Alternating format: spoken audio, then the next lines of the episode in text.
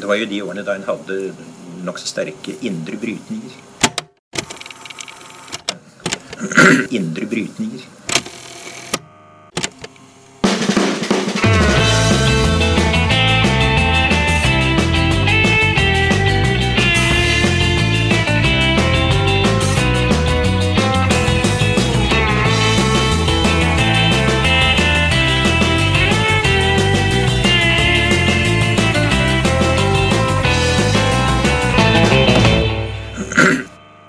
Hei og velkommen til Noen har snakket sammen. Mitt navn er Tiril Rustan Halvorsen. Og mitt navn er Fredrik Mortvedt. Eh, I dag skal vi snakke litt om eh, makroøkonomi, rett og slett. Ja, i, i dag skal vi snakke om makroøkonomi. Um, vanligvis når vi har folk på podkasten, så har vi kanskje en sosialdemokrat eller en sosialist eller en liberal person, og de har liksom det som et ideologisk eh, rammeverk for de meningene de har.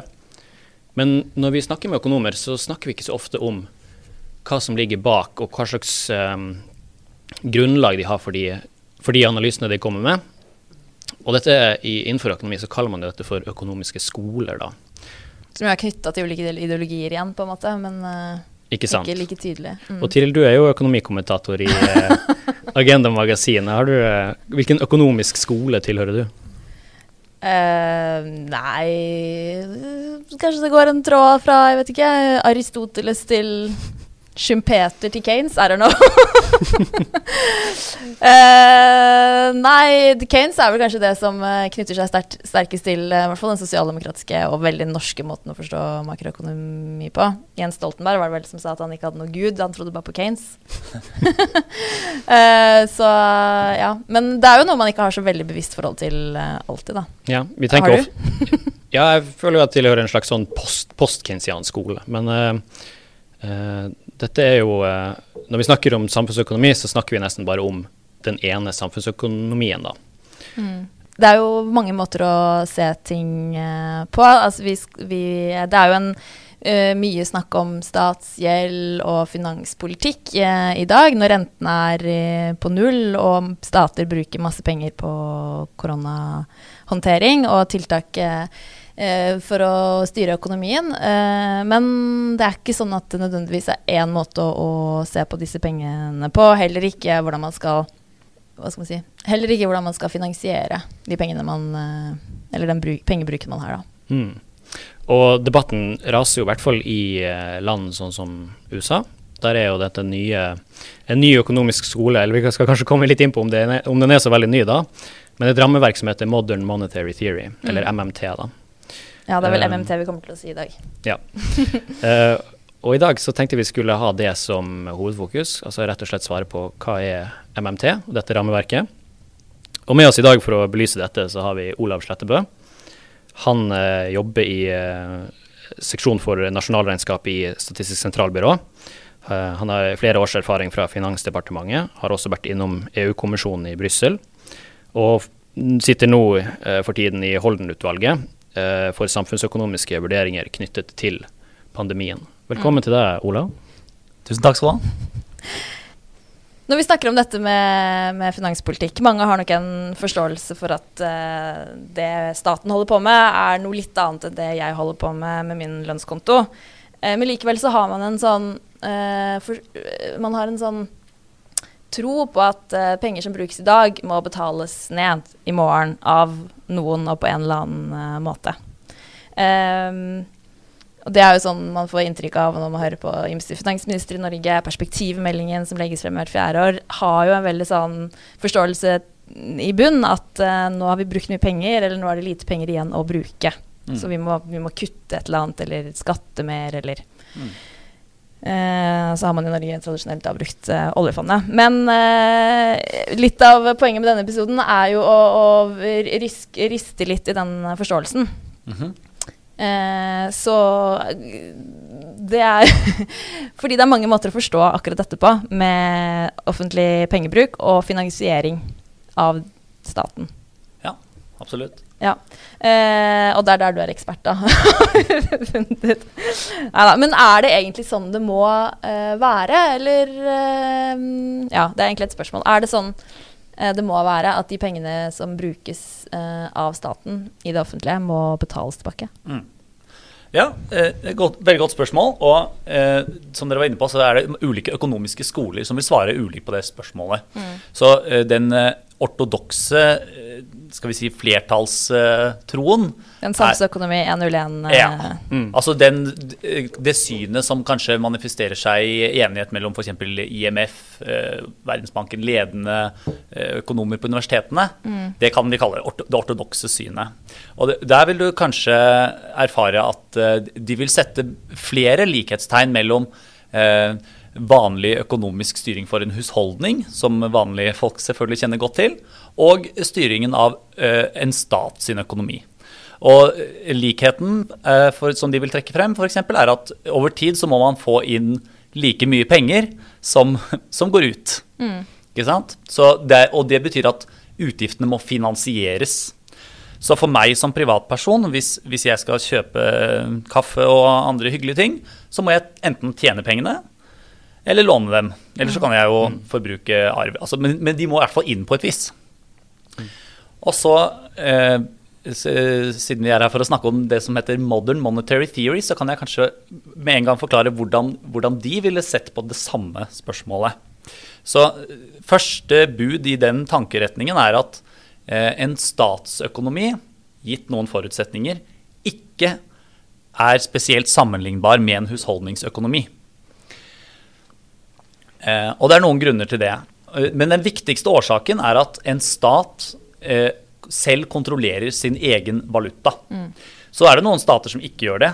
Det er noen stater som holder på med andre lands valutaer. Og, og da gjelder ikke den forutsetningen. Da ligner staten mer på en husholdning.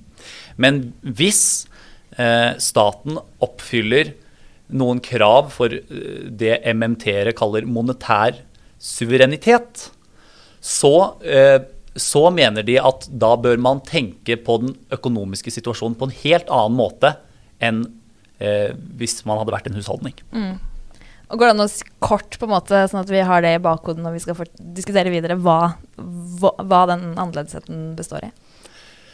Ja, den består av at eh, for, for staten er det, er det irrelevant, eh, egentlig, da. Eh, I hvert fall i første omgang om, om den har fått inn like mye skattepenger som eh, den har tenkt å bruke. Stat, man har staten den- kontrollerer valutaen. Så det er, ikke, det er ikke sånn at eh, Finansdepartementet sitter og venter på at det skal komme inn nok skattepenger, og at eh, dessverre så, så lot ikke eh, en skolereform f.eks. seg gjennomføre fordi det var noen som ikke betalte inn skatten sin. Sånn fungerer det ikke. Altså, pe det, pengene overføres fra konto, eh, som er statens konto i Norges Bank, uavhengig egentlig av hvor mye som kommer inn. Ja. Eh, mens hvis jeg prøver å betale min kafferegning, og jeg ikke har fått lønn fra jobben, ja, da får jeg bare beskjed om at nei, dette går ikke gjennom. Men hvis jeg er finansminister i Norge da, Mm. eh, og skulle da bestemme at nå skal vi gjøre litt mer dette året enn det vi ser ut til å få inn i, inn i skatteinntekter, da. Er det sånn at ringer, ringer, ringer jeg bare eh, Norges Bank og sier sånn nå, nå skal vi gjøre litt mer enn i fjor. Eh, vi har ikke penger til dette. Kan dere bare sette det inn på denne kontoen som, eh, som eh, Finansdepartementet har i, eh, i Norges Bank, og så, og så har vi på en måte bare pengene der? Nå har jo vi et, eh, et rammeverk i Norge som, eh, som fungerer eh, veldig bra, og som handler om at det vi ikke tar inn av skatt, dekker vi med et uttak fra oljefondet. Så Norge er jo i en helt spesiell situasjon. Men hvis du hadde spurt meg om det, om det var slik for en tenkt økonomi, så er svaret at ja, det kunne man gjøre hvis man, hvis man selv eh, er suveren, bestemmer suverent over egen valuta. Da ville det ikke vært noe i veien for en sånn type logikk. Men de aller fleste land har en slags selvpåført restriksjon om at det gjør vi ikke. Og i EU har de til og med et regelverk som sier at dette gjør vi ikke. ja, for der kan du maks ha 3 underskudd på statsbudsjettet, f.eks. Eller? Eh, Det, det har de også. De har, for, de har forskjellige sånne fiskale regler. Så det, det stemmer. Men, men de, har, de har et eksplisitt regelverk som sier at, at eh, sentralbanken, den europeiske sentralbanken kan ikke på en måte direkte finansiere statene. Ja.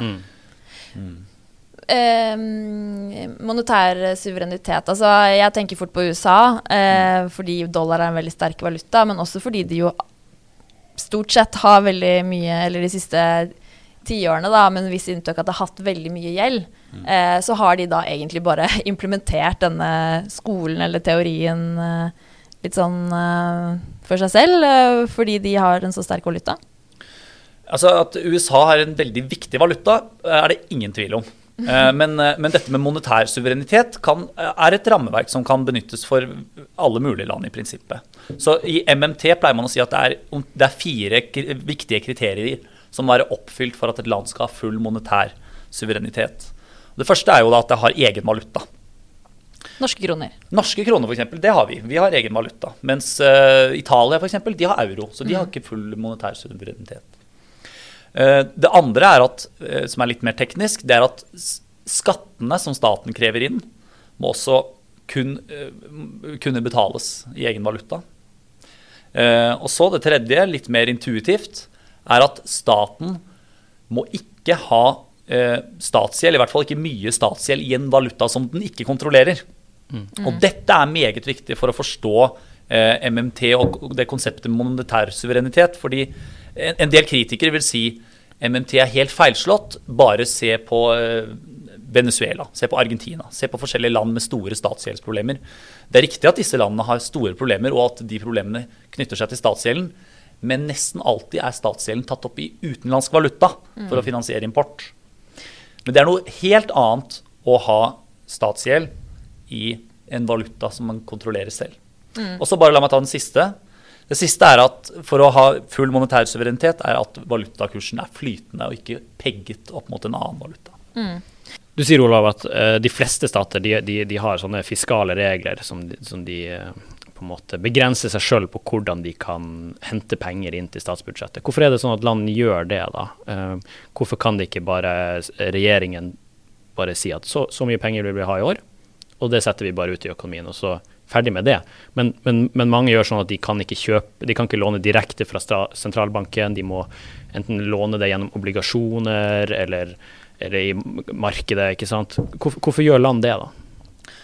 Nei, det du snakker om der er jo en slags selvpåført restriksjon. Og i mange tilfeller så gir det mening opp å lage skal vi si, strenge regler for seg selv. Massevis av nordmenn f.eks. har jo sånne eh, medlemskap på gymmen som de mener skal tvinge dem til å gå og trene mer enn de ellers ville gjort. Eh, og, og En sånn tankegang kan absolutt ha noe for seg. og den, En sånn tankegang var veldig moderne på 80-tallet, forresten, i økonomifaget. Med regler fremfor diskresjonære beslutninger. Men, men nei, svaret på det der er, er i hovedsak at man, eh, man er veldig redd for hyperinflasjon. Man er veldig redd for at hvis man skulle gå over til å tenke på en MMT-måte, som vi egentlig ikke har helt forklart hva MMT-alternativet er, men, men, men kort fortalt er MMT-alternativet at du bruker så mye penger som du mener virker fornuftig ut fra en hensyn til å, å opprettholde både full sysselsetting og stabil inflasjon, som egentlig ligner litt på det mandatet sentralbanken har i dag. Um, Nei, en, en god del mennesker er redd for at man skal få eh, veldig voldsom og overdreven pengebruk. Og som vil øke etterspørselen mer enn det økonomiens kapasitet tåler. Som vil føre til hyperinflasjon. Det er det man er redd for. Eh, og det er ikke sånn at det er en helt eh, dustete eh, frykt, altså. Fordi dette med å bruke penger man ikke har, det er jo kjent. Det gjør man jo i økonomiske krisetider, i nedgang, nedgangskonjunkturer. Da bruker man mer enn man har. Men, men MMT-rammeverket er egentlig noe man kan bruke også i en helt normal økonomisk eh, situasjon. Ja, altså, Det er ikke en krise... Det er han, nei, det er ikke bare reservert for kriser. Det er anvendbart over hele sykelen. Altså, i hvert fall De som har tenkt på dette, her mener at dette er en tankemåte som er relevant i alle mulige sånne konjunktursituasjoner. Mm. Her kan jeg kanskje nevne at for de aller fleste land som ikke er Norge, så går man jo med ganske store underskudd på statsbudsjettet hvert år. I hvert fall når vi snakker om vestlige land. da. USA f.eks. gjør stort sett det. Eh, og da da bruker de altså mer penger på offentlige utgifter og overføringer osv. enn de tar inn i skatter og avgifter. Så de har et underskudd på budsjettet. Men så sier de de sier vi låner pengene som mangler. Så hvis underskuddet f.eks. er eh, en milliard dollar, så sier de da skal vi gå ut i markedet og hente inn disse pengene fra private investorer. Men det også er en selvpåført restriksjon. Det er ikke noe gudegitt i det. Altså det, det, er, det er et, et, arrangement man har, hvor man, hvor man eh, for det første så beroliger man befolkningen ved å si vi tar ikke bare disse pengene ut av den tynne lufta, som vi kunne gjort. Eh, eh, vi låner dem faktisk. Eh, og for det andre så tilbyr det jo vanlige investorer og pensjonskasser osv. et nyttig finansielt instrument. Og Det må ikke undervurderes. for altså, Vi kaller det statsgjeld, og det har en ganske, kanskje en litt skummel klang. Men altså, statsgjeld er jo også det som er forutsetningen for at det finnes et marked for risikofrie obligasjoner, mm. som kjempemange er interessert i. Jeg, jeg hørte en sånn anekdote at hun, uh, Stephanie Kelton, en av de, de store stjernene innenfor eh, MMT-bevegelsen, hun hadde spurt uh, senatorer eller representanter i USA om de ville fjerne om de, om de, ønsket å fjerne statsgjelden, og det ville de. Alle ville jo fjerne statsgjelden. Og så spurte hun samtidig om de ville fjerne obligasjonsmarkedet. Og det ville de jo så klart ikke. Altså Obligasjonsmarkedet er jo der eh, staten henter inn disse pengene, og det er jo på en måte det samme som statsgjelden. Um, det er riktig. Og, det, og, for, og, det, og hun, dette, eh, hun, grunngir dette for, med at uh, det er viktig for investorer å ha en, en, noe trygt å investere i. Da. Så, mm. så, så, for investorene så er det veldig bra. Men politisk så er dette med statsgjelden veldig skummelt, mm. selv om det er samme ting. Ja, og da vil MMT-folk vil si at det er skummelt fordi folk tenker på staten som en husholdningsøkonomi. Mm. Så hvis, hvis, jeg eller noen av dere hadde tatt opp stadig nye lån, eller hvert eneste år brukt mer penger enn jeg tjente, så ville man tenkt dette er på veien rett utfor for en uh, klippe. altså. Mm. Men gjør MMT noe forskjell i om man har lånt de pengene i egen valuta? For jeg antar at hvis man har det i en utenlandsk valuta, så er det skummelt fordi man kan plutselig bli krevd å betale mm. tilbake mm. det lånet. Om det gjør noe forskjell på lån i egen valuta og det å på en måte bare, som du sier, ta penger ut av lufta? Mm. Ja, den distriksjonen er veldig viktig i MMT-tankegang. Og alle de skrekkeksemplene som man har fra det 20. århundre og egentlig helt fram til vår tid, med land som havner i skikkelig uføre pga. høy statsgjeld, dreier seg om at man har lånt penger i en utenlandsk valuta. Mm. Og det er noe helt annet. Det ligner mye mer på et, et, si, et vanlig gjeldsoffer enn eh, en vanlig privatperson. Du nevnte det litt i sted, at uh, det, er ikke, det er ikke skatteinngangen til staten som, uh, som, setter begrensningene for hva vi kan bruke av penger, uh, og hvilke nye prosjekter vi kan realisere. Så da lurer jeg jo på, hvis ikke det er hvor mye penger vi kan hente inn i skatt, hva er det da som setter begrensningen for statsbudsjettet? Altså, kan en finansminister bare realisere alle de gode prosjektene som står på, i partiprogrammet, og levere sånn sett på det? Mm. Jeg må bare presisere at Alt dette jeg sier her nå, er jo ifølge MMT. Mm. Så ikke nødvendigvis alt som er ikke mitt standpunkt. Ikke Det kongelige norske finansdepartementet. Men spørsmålet er veldig godt. Uh, og, og, svaret på det er at uh, det som setter begrensninger for eh, alle økonomier, er hva som finnes av realressurser i denne økonomien. Og Det er kanskje et litt uh, tungt og vanskelig ord, men det betyr bare antall arbeidstimer, og så kapitalmengde, og eh, hvilket teknologisk og organisatorisk nivå man befinner seg på. Så den tunge realøkonomien. Mm. Det er det som begrenser hva man kan produsere i en økonomi. Mm. Og så uh, og så, og så, kan staten gjerne selvfølgelig ønske å si Finansministeren kan gjerne ønske å si vi, vi, vi har lyst til at uh, produksjonen skal dobles neste år. Mm. Uh, men, men, det vil ikke gå. Mm. For, for, fordi det er faktisk noen reelle begrensninger. Så da kan du forsøke å kaste penger etter problemet, men, men da, ifølge teorien i hvert fall, så vil, så vil bare prisene blåses opp uten at du får veldig mye mer enn du hadde til å begynne med. Mm. Så det finnes noen begrensninger, men de er reelle begrensninger. Så du kan f.eks. ikke eh, realisere Nord-Norge-banen og Hordfast samtidig, hvis det er mangel på ingeniører i, i Norge til å ja, liksom gjøre, jobbe med disse prosjektene? Da, da, hjelper det ikke hvor mye penger du har. På en måte kan Du si, altså du kan jo alltids importere arbeidskraft og sånne ting som det der. og Det, det har jo Norge mulighet til å gjøre, og gjør også i stor grad. Men det, men det finnes noen eh, realbegrensninger. Det er mm. riktig. Mm. Også i den heterodokse økonomien så har man jo en sånn eh, tanke om at eh, økonomien overopphetes når man når full kapasitet, da, som på en måte er det du snakker om, at man har benyttet alle de reale ressursene. Og da kommer inflasjonen til å skyte fart da man har en sånn derre lønnsprisspiral som kan eh, komme ut av eh, kontroll. Så hva er på en måte Eller sånn Sånn som jeg I dag så har man jo inflasjonsmål i sentralbanken. Mm. Den skal være 2,5 Mm. Eller 2 2 eh, Mens med en MMT-tankegang så er på en måte målet for eh, hva skal man si, aktiviteten, temperaturen i økonomien, er at arbeidsledigheten skal være så lav som mulig. da.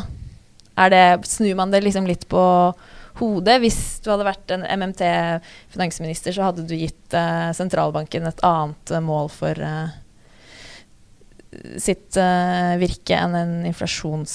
eh, et inflasjonsmål? Eh, man, man ville nok faktisk sagt at det er ikke sikkert at det er sentralbankens oppgave å sørge for at f.eks. full sysselsetting oppnås. Man ville sagt at det er, det er regjeringens oppgave. Men det er det vel i dag også? Kanskje du kan si det, men altså, Norges Bank har jo et, et dualt, et dobbelt mål, som er stabil inflasjon, øh, og så med så høy sysselsetting som mulig. Så i den tankegangen som øh, dominerer i dag, den såkalte ortodokse tenkningen, så finnes det et nivå på arbeidsledigheten som, som man kaller for den naturlige arbeidsledigheten. Og det finnes tilsvarende en, en nivå på renta som man kaller for det naturlige rentenivået. Mm. og den, den, eh, det MMT-folk vil kritisere denne tankegangen for, er, er for, det, for det første at det er lite empirisk grunnlag for å påstå noe sånt. Og for det andre at det medfører at man til enhver tid aksepterer at veldig mange mennesker er eh, arbeidsledige. At man bare ser på det som en sånn naturlig eh, så, Sånn må det bare være. for hvis ikke de er arbeidsledige, så vil økonomien løpe løpsk. De fleste i MMT vil mene at det er en helt fullstendig gal måte å, å vurdere problemet ut fra.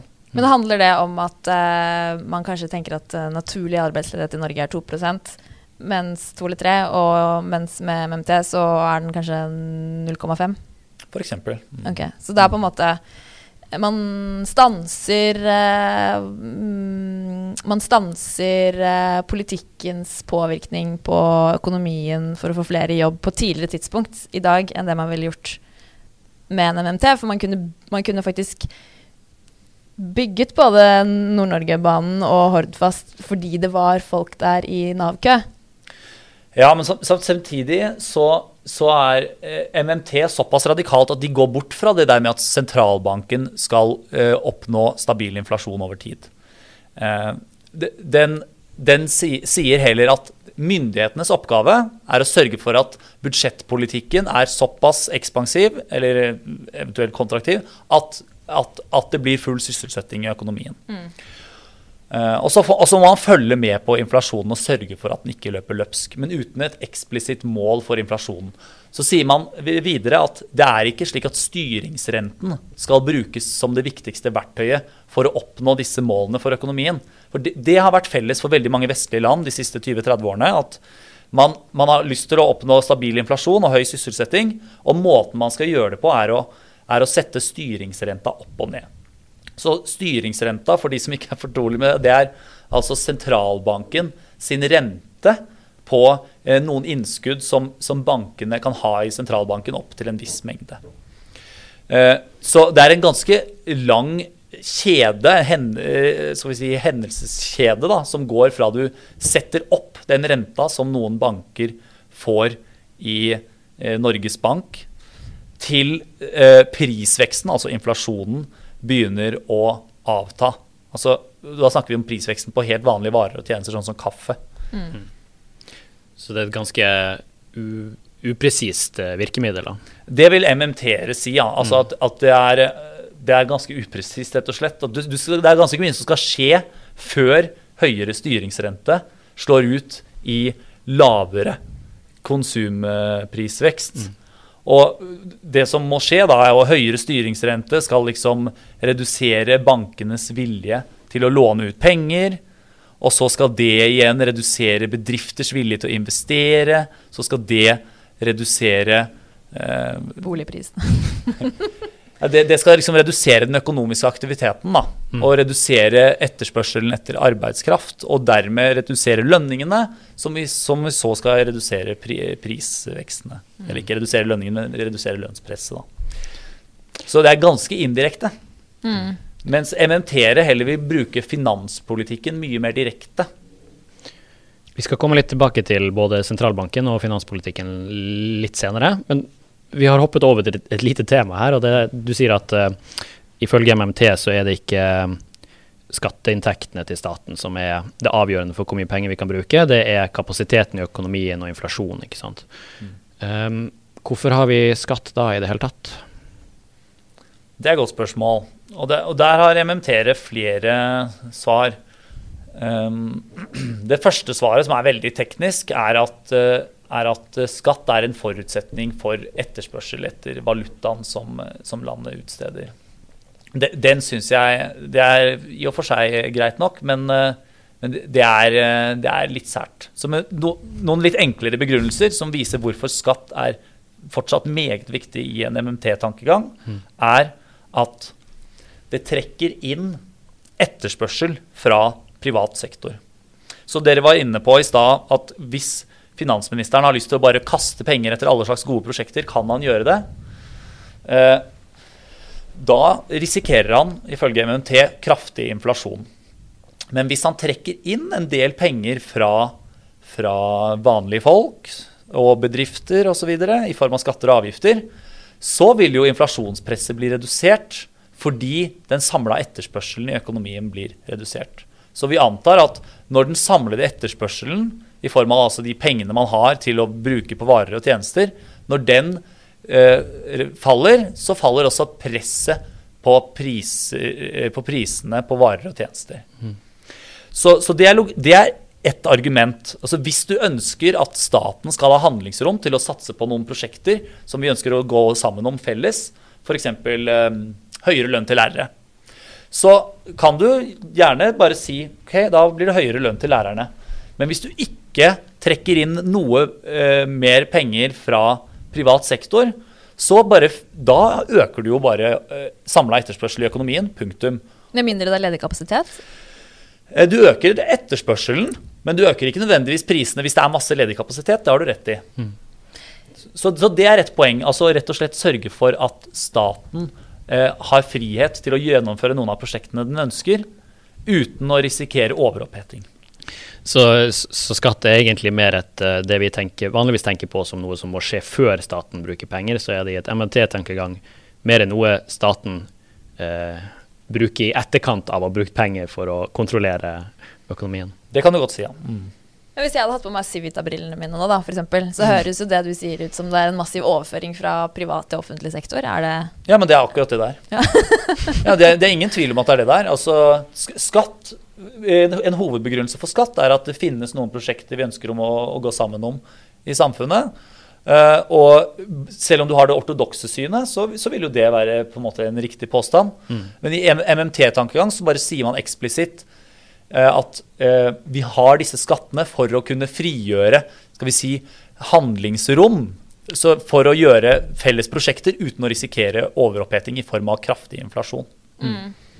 Men det vil jo bli eh, mer penger i den norske økonomien hvis man henter disse pengene fra, fra sentralbanken eller fra pengetrykking, eller? Det er riktig. Ja. Mm. Så det, er, det kan jo være forholdet forskyver seg, men ja, det, er, det, er helt riktig det at eh, det, det kan tenkes at, um, at man, man, øker, den, man øker samla etterspørsel i økonomien på den måten. Uh, men hvis, hvis, det finnes ledig kapasitet, som du sa, så, så vil vi MMT-ere argumentere for at da kan man fortsette å øke den offentlige etterspørselen hvis det er en etterspørselssvikt. Mm. Men altså, de har flere begrunnelser for skatter. Ta en til, da. En, en, til er jo at uh, skatt har jo en viktig fordelingseffekt. Mm. Og, det, og, der er, skiller ikke MMT-er seg noe fra standard uh, ortodokse økonomiske tenkere. Mm. Så det fordelingsargumentet, altså ta fra de rike og gi til de fattige, det, det blir mer eller mindre det samme ja. i MMT mm. som i vanlig ortodoks tankegang. fordi det, det med overoppheting av økonomien, at lønningene går amok og prisene sånn eh, videre eh, Jeg bare tenker sånn i et norsket eh, system da, med koordinerte sentrale lønnsdannelsesmodeller, vil man, hvor man jo tar hensyn til konkurransekraft og at ikke prisene et sted, eller lønningene i en sektor skal eh, bli veldig mye høyere enn eh, i en annen. Uh, har man da i en større grad klart å eliminere den faren da, for en sånn spiral som løper løpsk med priser og lønninger? Eliminere er jo alltid et sterkt ord, da. Men, eh, men det, er, det er klart at eh, ma- mange vil nok mene at den norske modellen har eh, bidratt til at vi har uh, fått ganske god kontroll uh, på, um, på lønnsutviklinga sånn, sånn samlet, samlet sett i samfunnet. Mm. Og, og kan- lønnsutviklinga er jo helt avgjørende for inflasjonsutviklingen. Ja, så i Norge så kan man på en måte holde økonomien på et veldig sånn nesten fullt nivå lenge uten at man får noe sånn prispress, kanskje da? Eller, Altså, i, i, I Norge, da, for, hvis, du ser på, hvis du ser på hvor mye vi krever inn av skatter og avgifter i Norge, så ser du det opp mot hvor mye vi bruker på statsbudsjettet. Så er det en stor forskjell. Vi bruker mye mer enn vi tar inn. Og grunnen til det, alle i Norge vet det, er at vi har et stort, flott oljefond hvor vi henter eh, det mellomværende fra, ikke sant? mm. Eh, Men, men i MMT-tankegang så, så, så er det egentlig ikke så veldig stor forskjell på om det, de, de pengene som vi bruker på statsbudsjettet som vi ikke har hentet inn i skatter, om de hentes eh, fra et fond i utlandet, eller om de bare trykkes av sentralbanken. Fordi deres viktigste funksjon i makroøkonomisk sammenheng er at de på en måte øker etterspørselen i Norge. Det er jo et veldig interessant poeng det du tar opp nå med, med oljefondet. sånn som Vi er jo et av de få land i verden som, som har det privilegiet, vil man jo si, i, i ortodoks økonomisk teori. da. Eh, men det har jo vært uh, noen MMT-ere, det er ikke så veldig mange av de i Norge, men noen har sagt at dette at vi driver og bruker oljefondet på uh, intern etterspørsel, altså i Norge Altså vi, vi, vi, vi setter i gang vår egen økonomi med, med ressurser som egentlig er i dollar. Da. Altså som, vi, vi- eier en viss form for utenlandsk valuta, og så bruker vi utenlandsk valuta til å sette i gang prosjekter i Norge. Vi da, som betyr da at vi må gi fra oss eh, dollar, som er en ressurs vi ikke kontrollerer.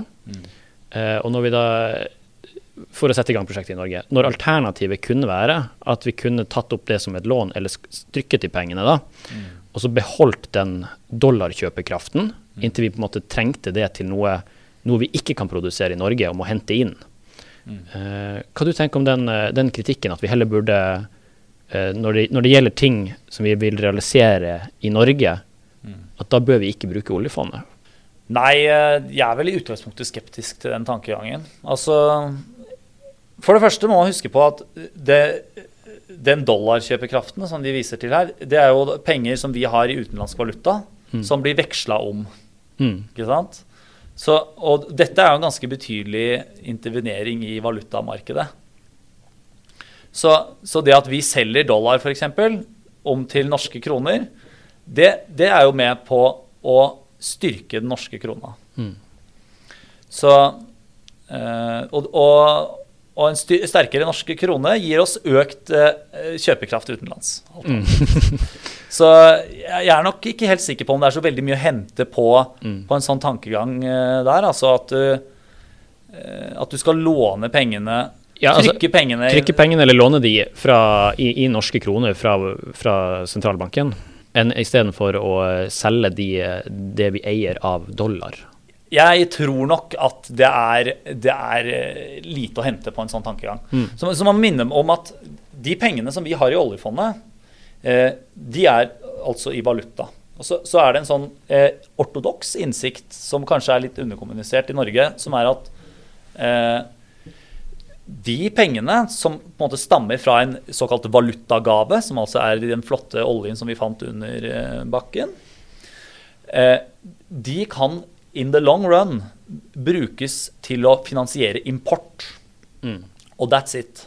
Nå ble det mye engelsk her. Men, eh, Men, men det, det, er deres verdi. Så det er på en måte fordelen med å være en stor, rik nasjon som Norge. Vi kan få utlendinger til å lage varer mm. og gjøre tjenester for oss.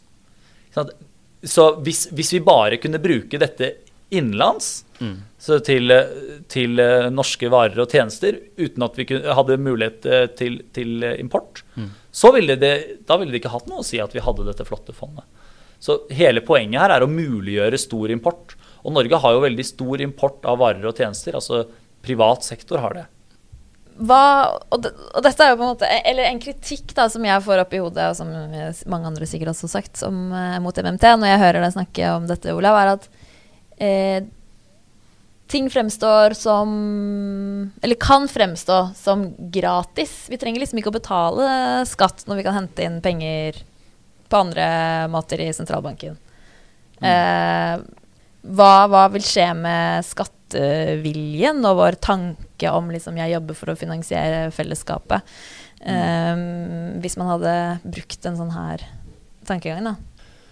Ja, det du er inne på der, er beslektet med noe som jeg skrev så vidt om da jeg anmeldte boka til Stephanie Kelton. Ja. Uh, den boka heter The Deficit Myth kan jo starte med å si at Mange mener at de innsiktene i MMT er egentlig eldgamle innsikter. Og for en stor grad så er det riktig. Dette er ting man har snakket om lenge. Så når jeg, når jeg sier at formålet med skattene er ikke per se å finansiere statens utgifter, men bl.a. annet å holde kjøpekraften i privat sektor nede, slik at offentlig sektor kan få økt uh, handlingsrom, det er en veldig gammel innsikt. Mm. Både internasjonalt og i Norge. Så det finnes nok av byråkrater i det norske finansdepartementet som har vært klar over dette i mange år og har tenkt på denne måten. Og Det er bare å slå opp i gamle lærebøker av f.eks. Eh, Leif Johansen, vår store professor på Blindern. Så dette er for en stor del eh, tanker som man har, har, kjent godt til, og så har de gått tapt fordi de har ikke vært på pensum på en god del år. Og som nå kommer tilbake og blir satt i en litt sånn ny kontekst.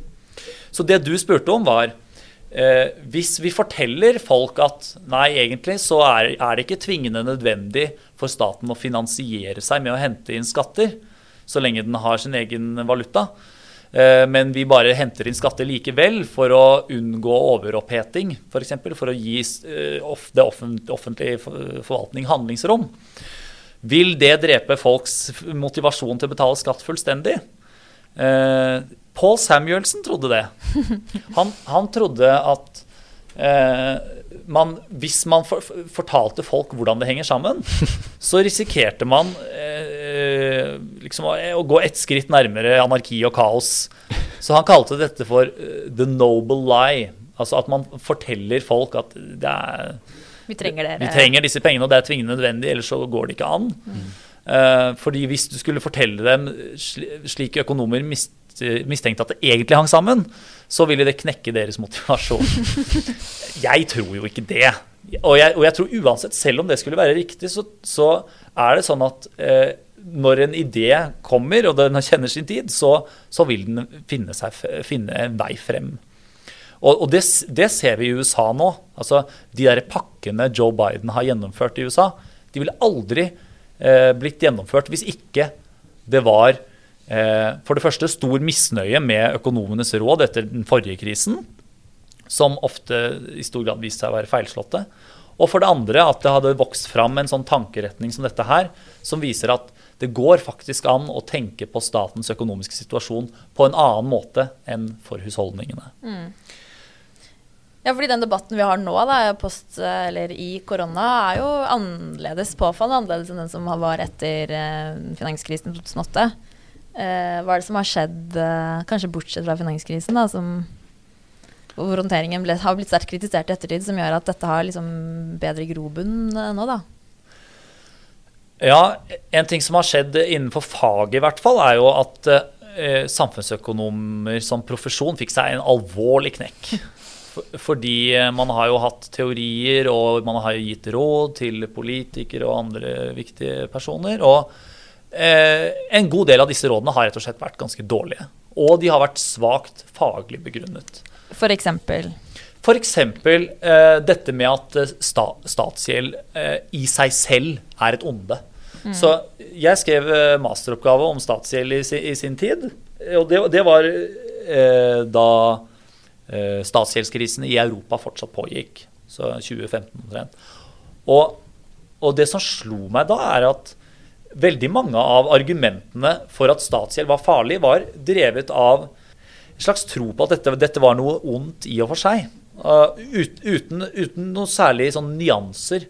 F.eks. var det en meget eh, berømt artikkel av Reinhardt og Rogoff som tok for seg hvilket statsgjeldsnivå mm. som ville, ville, begynne å ta knekken på en økonomi mm. i prosent av BNP.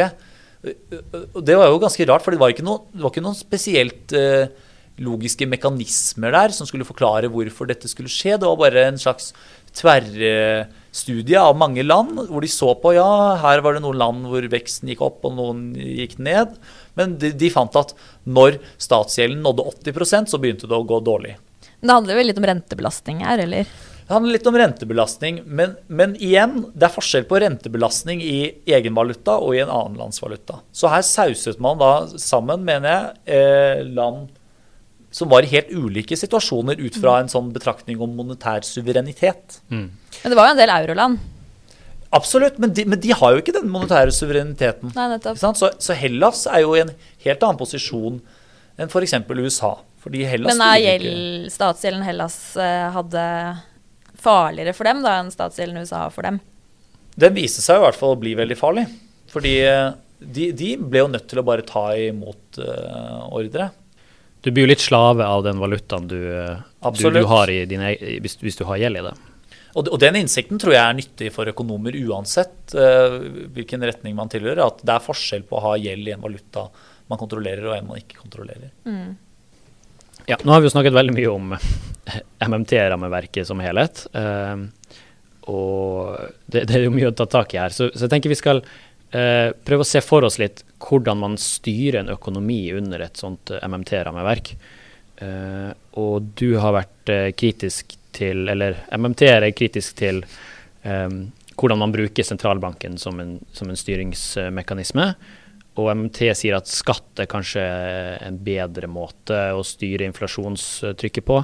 Men sentralbanken kan jo gjøre uh, uavhengige vurderinger løpende mens, uh, mens økonomien utvikler seg. Mens f.eks. å vedta nye skatteendringer i Stortinget, det knyttes jo opp til lange prosesser som ligger i uh, beregninger for statsbudsjett og mye sånne ting. ikke sant? Og det, og det gjør man ikke så ofte. Uh, så hvordan, hvordan, ville man styrt en økonomi uh, løpende, mm. hvis, hvis, ikke på den måten vi gjør det i dag? Ja, bare skyte inn først at det er snakk om en overgang fra liksom pengepolitikken som det fremste konjunkturstyringsverktøyet, pengepolitikken, altså renta, til finanspolitikken. Så finanspolitikken er både skatt, men også offentlige utgifter. Um, så, så hvordan, hvordan, skal man gjøre det i praksis? Uh, det er helt riktig som du sier at uh, offentlige budsjetter er mye treigere og mer sendrektige enn sentralbanken i utgangspunktet. Så sentralbanken, hvis det skjer noe alvorlig, kan bare ha et møte og over natten bestemme nå skal renta settes opp og ned så og så mye. Men nå er jo renta nede i null, da, så nå er det kanskje ikke så mye rom for å sette den så mye ned. Nei. Eh, hvis ikke man har lyst til å bevege seg inn i alvorlig negative renter, men det har jo Sverige prøvd før, og det var ikke noe spesielt suksess. Så nå er sentralbanken i en skvis. Så nå de fleste ortodokse og MMT-økonomer mener at uansett hva som skjer fremover, så vil finanspolitikken få en viktigere rolle i styringen av uh, økonomien. Så, men hvordan kan det skje i praksis? Mm. Så, så en, en, ganske åpenbar ting er at man må, være, man må, være, klar over at i en moderne økonomi med et høyt skattetrykk, så finnes det allerede en god del styring av, eh, av økonomiens temperatur i form av, av, av, uh, av skatt. Så Eh, så hvis du tjener mye penger et år, så betaler du mer skatt. Hvis du tjener mindre penger, betaler du mindre skatt. Mm. og hvis du, hvis du, tjener penger på børsen, så må du betale skatt av gevinsten. Men hvis du taper penger på børsen, så får du litt lavere tap enn du ellers ville fått pga. skatten. ikke sant? Altså, det, betyr at, det betyr at staten allerede i dag tar inn mer med høy aktivitet og lav, mindre Riktig. med lav Riktig. Det er en støtdemper. Ikke sant, Det progressive skattesystemet det, det ligger der som en sånn Ja, fast støttemper. Altså alle, alle land med en ganske stor offentlig sektor og dermed stor skatteinngang har, har betydelige sånne automatiske stabilisatorer. Så det er ikke hovedbegrunnelsen for at vi har skatter, akkurat, men det er en viktig ting å være klar over. Og en annen sånn automatisk stabilisator er utbetaling av ledighetstrygd. Så hvis du mister jobben, så går du ikke i Norge rett ut til null i inntekt, du får en arbeidsledighetstrygd.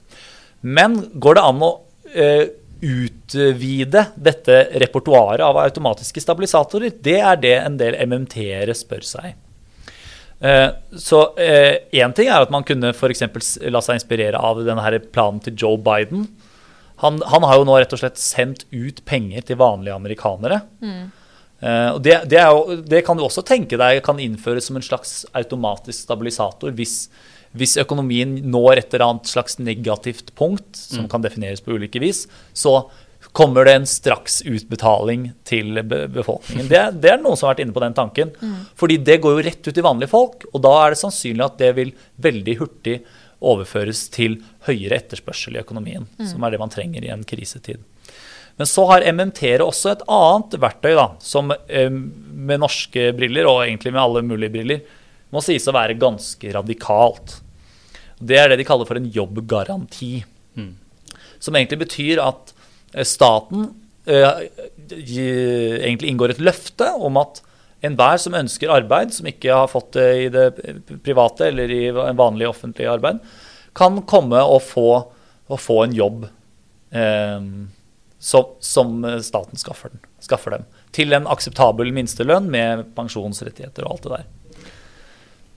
Så, så dette, dette jo, bryter jo veldig med, med, systemet vi har i Norge i dag, og er kanskje den, den delen av MMT-teorien som, som, er eh, lengst unna å bli iverksatt. Mm. Mens deler av tankegangen allerede vinner frem i forskjellige finansdepartement, særlig i USA og andre land så er dette fremdeles eh, på tegnebrettet, vil jeg si. Mm. Jeg føler at en jobb, jobbgaranti det blir en egen episode i seg sjøl, eh, Tiril. Men, men, bare for bare raskt å avslutte det her, da. Men du har nå snakket om en del eksempler hvordan man setter i gang økonomien. Hva, hva er MMT-forslagene for en overopphetet økonomi, da? Er det litt vanskeligere? Det er et godt spørsmål igjen, altså. Eh, Skal de bare trekke inn skatter? Ja, altså øke skattene. Det er, det er noen problemer eh, med å øke eller justere på skattesatsene i tide og utide. Mm. Det, det, er eh, mange gode argumenter for hvorfor det ikke er så lurt. Det, mm. det vanskeliggjør bedriftenes beslutninger om å investere, f.eks. Hvis du plutselig bare kan øke skatten med 5 prosentpoeng. Vanskelig å planlegge. Det blir veldig vanskelig å planlegge. Så det tror jeg neppe MMT-ere vil ta til orde for. Eh, men, men, derimot så er, kan det nok være lettere å holde igjen offentlige utgifter i noen grad. Mm. Så Noen typer offentlige utgifter kan man vente med. Mm. Dette er jo den eldgamle keynesianske innsikten at uh, offentlige utgifter bør komme motkonjunkturelt. Så når det går dårlig i økonomien, bør man bruke mer. Hvis det går veldig bra, må man holde igjen. Så noen prosjekter kan utsettes, f.eks. Mm. Det vil nok være det, det første svaret der. Mm. Jeg tror jeg har lest noen steder at noen MMT-ere foreslår f.eks. For at Eh, man, man, setter strengere krav for utlånsvirksomheten til bankene f.eks. Når, de, når de ser at det begynner å mm. overopphete seg litt i økonomien. Mm. Men uh, ja, det, dette, dette, temaet diskuteres jo mye, Ola. Hvis du, kan, hvis du kan si hva er den vanligste misforståelsen om MMT? Den helt klart vanligste misforståelsen om MMT er at det er en tankeretning som bare sier staten kan bruke så mye penger den vil, uh, punktum. Mm. Det, og, det, og, det, er eh, en lesemåte som bare er så slapp at det nesten ikke er verdig å kommenteres. Men den, men den gjentas fra veldig prominent hold. Mm. Altså professorer og forskjellige autoritetspersoner har, har, kontret eh, MMT på den måten. Så det er jo Det sier jo litt om debattnivået i deler av økonomifaget, dessverre. Men, øh, men, det, men det, er, det, kan ikke karakteriseres som annet enn en ganske stor misforståelse. og er, tvert imot er jo MMT veldig bevisst på at det finnes noen grenser, og at man bør snakke åpent om hva de er. Ikke sant? Mm. Som først og fremst er kapasiteten i økonomien og inflasjonen? Ja, altså inflasjon er liksom uh, at the end of the day det store problemet. Hva vil du si Fordi en del av de tingene vi har snakket om, er jo også veldig kjent, som du har sagt, fra enten Kanes eller fra funksjonell økonomi og man, finans. Og man ser jo noen utslag, f.eks. at uh, sentralbanken i USA sier at uh, man heller skal ha litt høyere inflasjon enn inflasjonsmålet Mm. en stund for å få økonomien i gang igjen. Mm. Enn å kutte, stoppe pengebruken for tidlig, sånn som man kanskje gjorde etter 2008. Mm. Eh, hvordan vil du kunne Eller hva er det som gjør at MMT er annerledes enn at en keynesiansk politikk, f.eks.? Eller går det an å for, for å på en måte oppsummere litt da, og pinpointe MMT som noe, noe litt eget? MMT tar inn over seg en god del gamle innsikter, særlig fra eh, Keynes. Så mye av det som står i MMT-bøker, finner du i The General Theory, som jeg har tatt med meg her i dag. Eh, men i, i tillegg så er det, så er det noen eh, nye ting, og det, den blir jo til i en, i en annen uh, sammenheng enn disse gamle teoriene om functional finance og, og Keynes. Den blir f.eks. til i en, i en tid hvor vi i lang tid har overlatt til sentralbanken å styre uh, inflasjon og sysselsetting. Uh, Og ifølge MMT-ere med blandet hell, da. Ikke godt nok resultat i at den måten vi har styrt økonomien på nå, ikke har gitt nok vekst? Eh, ja, vekst er jo et uh, fyord på venstresiden, har jeg forstått. Men, Ikke eh, på denne venstresiden. men, men uh, ved at man har akseptert altfor høy lediggang. Altså Ja. Altfor mange mennesker har vært arbeidsledige, altfor mange mennesker har vært utenfor arbeidsmarkedet i det hele tatt. Mm. Fordi det har vært gjort så for lite for å oppnå reell full sysselsetting. Fordi man har vært så opptatt av balanserte budsjetter. Man har vært opptatt av balanserte budsjetter, blant annet. Og lav, og lav inflasjon. Og lav inflasjon. Mm. Mm. Um. Du kan, du kan jo merke deg at det, det, denne perioden som vi har bak oss, hvor sentralbanken har forsøkt stadig nye ting for å få fart i inflasjonen, for det har jo vært et mål. Å få inflasjonen opp på målet. Den har konsekvent vært under, ikke sant?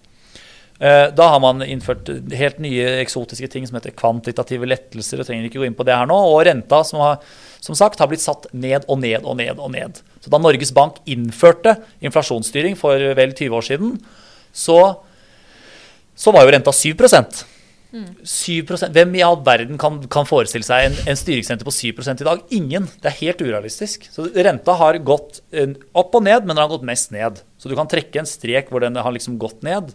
Så, eh, så sentralbanken har forsøkt å få til stabil inflasjon og høy sysselsetting eh, med å sette renta ja, mest ned, da. Eh, og så selvfølgelig har det jo Det har jo ikke vært 20 katastrofale år, men, men vi har veldig mye ledig kapasitet, vil MMT-ere si. da. Så vi har, I Norge nå for eksempel, har vi 200 000 arbeidsledige. Vi har en lavere sysselsettingsgrad enn vi har hatt tidligere. Sånne ting som det. det. Det er gode grunner til å mistenke at det kan være en god del ledig kapasitet ute i norsk økonomi. I tillegg til en veldig voldsom boligprisvekst pga. veldig lave renter. Ja, og det, og det, er jo, en- det har jo vært en egen podkastepisode i seg selv. Altså mm. hvordan, hvordan den politikken med styringsrenten påvirker verdien på boliger. For det er sånn at når renta settes ned, så fyrer det kraftig opp boligprisveksten. boligprisveksten. Så det er noen bivirkninger på det der konjunkturvirkemiddelet som er ganske merkbare. For å avslutte litt, da. Vi har jo nå på en måte Eller jeg føler at vi har konkludert nå med at uh, den koronaregningen som mange land har uh, opparbeidet seg, ikke nødvendigvis må betales tilbake uh, neste år med høyere skatter eller kutt i velferdsstaten. Riktig? Altså, i, I Norge så har vi jo et, et rammeverk med handlingsreglene og sånn som tilsier at en, en krise, økonomisk krise skal håndteres med mer pengebruk enn man ellers ville hatt. Ikke noe problem. Så det er, ikke, det er ingenting i rammeverket vi har i dag som tilsier at man skal gjøre noe ekstraordinært for å skal si, betale tilbake det vi har brukt. Men politikerne snakker jo litt sånn, da. At nå har vi tatt fra fremtidige generasjoner, og nå blir vi fattigere for all tid fremover og sånn. Ja, men altså oljepengebruken i fjor, hva, hva, hva endte det på? 3,9% av fondet eller noe sånt? Så det, det, er jo, det er jo helt innafor uh, forskjellige retningslinjer. Så, så uh, Og det økte vel med 800 milliarder eller noe, så ja, fondet økte med 800 milliarder. Ja. ja. Men betyr det også at vi i, har eh, mer råd til å finansiere f.eks. det grønne skiftet enn det man tror, da? For nå er det sånn nei, vi har ikke råd til to CO2-renseanlegg, f.eks. Ja, altså det der med det grønne skiftet Kall det hva du vil, men eh, det er, det er jo en lang story, da. Altså, Jo, men det er store, store mm, investeringer man Om det er flytende havvind eller, eller CO2-renseanlegg som, man- som man ikke klarer å bevilge penger til over statsbudsjettet. et, et hovedpoeng her er at hvis man ikke klarer å bevilge penger til det over statsbudsjettet, ja, så er det kanskje ikke verdt å satse på. da. Fordi altså, vi, i, et, i, en, I en stat og en nasjon et demokratisk samfunn så burde man ha én prosess som på en måte bestemmer hva vi ønsker å bruke penger på og ikke ønsker å bruke penger på. Og det må, det må være på en måte helhetlig. Det er det som statsbudsjettet er. Det er en prioriteringsliste. Så enten så når det opp der, eller så når det ikke opp der. Så hvis, hvis noen mener at det fins masse kjempegode grønne prosjekter der ute, men som bare ikke kan bli finansiert innenfor statsbudsjettets rammer, så tror jeg ikke det er statsbudsjettets rammer det er noe galt med. Altså, det, I ethvert samfunn bør man ha en enhetlig eh, liste med prioriteringer. Altså, Dette ønsker vi å satse på. Så hvis, hvis ikke dette er viktigere enn andre ting, så, så er det vel ikke det, da. Som pensjoner har, f.eks. For Fordi flere og flere penger på statsbudsjettet blir bundet opp til sånne ting som arbeidsledighetstrygd og, og pensjoner. Altså, eh, for, eh, selv, om man, selv om man synes en MMT-tankegang er fornuftig, så, så burde, man, burde man likevel være veldig nøye med å prioritere statens midler. Man, man kan ikke tillate seg å bli noe mindre nøye med det, bare fordi man blir klar over hva som på en måte er de reelle begrensningene. Så kan det hende at når du tenker over de reelle begrensningene i et MMT-rammeverk, at du kommer fram til at ja, det fins faktisk mer handlingsrom for staten enn vi trodde tidligere. En grundig analyse viser det, at vi kan øke offentlig pengebruk litt. Og da kan man jo prioritere flere ting. F.eks. kan du prioritere litt flere ting. CO2-renseanlegg. for, for, Det kan man sikkert. Men, men det må fremdeles gjøres innenfor, den, innenfor det rammeverket av et statsbudsjett. Men statsbudsjettet kan se litt større ut. Det, det kan hende at hvis det, hvis det viser seg at, at eh, en, analyse, en god analyse viser at det er mye ledig kapasitet i norsk økonomi, eh, og at det er rom for økt offentlig pengebruk, så vil en MMT-er kanskje si ja, da, er det, da kan den listen over ting vi prioriterer på statsbudsjettet bli større. Men det betyr ikke at vi skal lage sånne sidebudsjetter som noen folk tar til orde for. For f.eks. sånne egne fond til fornybar ditt og datt. Det er generelt en uting, altså. Men det virker jo der, der er diskursen i dag, da. Det ligger jo med på uh, har vi råd til det, ikke har vi kapasitet til det. Ja. G- g- Burde vi alle lese litt mer MMT, så at vi kan uh, eh, håndtere eller tenke på disse prosjektene da, på en annen måte? MMT-ere vil jo si ja på det. At de vil si at det er mye som tyder på at det fins en god del ledig kapasitet i norsk og mange andre økonomier. Eh, dette bør vi bruke på et vis. Vi kan gjerne bruke det i offentlig regi. Så, eh, så vi kan gjerne bruke det til forskjellige prosjekter vi er interessert i. Og, og siden det er såpass mye ledig kapasitet, så risikerer vi ikke at inflasjonen løper løpsk. Så vi, vi jobber for å sikre full sysselsetting. Og, og hvis, det, hvis det betyr at vi på kjøpet får liksom råd til å gjøre flere ting som vi syns offentlig sektor burde prioritere, alle mulige sånne grønne ting, så er jo det strålende. Um, ja, det, det setter jo eh, diskusjonene om eh, garantier for skatteløfter osv. litt i perspektiv, eh, denne samtalen her, uh, syns jeg. Eh, Olav Slettebø, tusen takk for at eh, du kom til eh, Noen har snakket sammen. Takk for invitasjonen. Det var veldig hyggelig. Alle kan jo også lese anmeldelsen din av eh, The Deficit Myth, som ligger på Minerva. Eh, for å Ja, eller lese hele boka, da, rett og slett. Men eh, de som blir interessert og nysgjerrig på, på mer. Ja, Tiril, eh, har du lagt til en ny økonomisk skole i ditt rammeverk nå? Ja, altså det er jo interessant å heller se på kapasiteten i økonomien. Går det mange ledige der ute? Og la det begrense eh, hva vi kan gjøre, kontra en eller annen slags i hermetegn falsk eh, sannhet om eh, om eh, eh, budsjettbalanse og farlig inflasjon. Altså Mm. man kan, Du utvider jo perspektivene litt. Hva tenker du?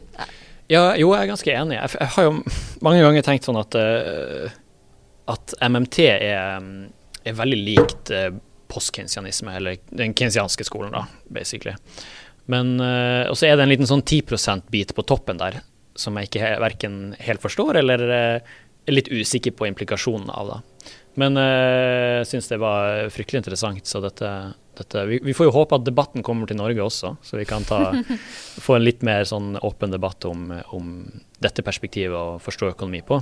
Mm. Nå er det jo stort sett bare i, i um, USA og ja, noen andre land også. Men, mm. Noen amerikanske debatter kan det være verdt å importere? Men jeg tenkte bare, sånn på tampen her, skulle jeg bare gi et lite tips til lytterne. Hvis, ja. det, det, var veldig, hvis lytterne syns det var fryktelig interessant med Eh, med MMT, så kan jeg bare anbefale Current Affairs sin eh, podkast. Det er en podkast man må betale for, men det er du Ikke de første fem episodene? Ikke de første fem, nei. nei. Men det er også bare fem dollar eller noe sånt på Patrion. Uh, men der har de en hel serie som heter Why no, Nei, is. is MMT real? Det heter den. Og det er oppe i ti episoder nå, hvor de både snakker med de fremste MMT-økonomene, men også med uh, kritikere fra venstresiden, men også eh, og inn mot sentrum. Så det, det er en kjempeinteressant episode, hvis, nei, podkast, hvis man er mer interessert i dette temaet. Det er bra. Det er uh, fint. Da har vi nok en episode, og så snakkes vi igjen neste uke. Det gjør vi. Ha det. Hei. Thank you.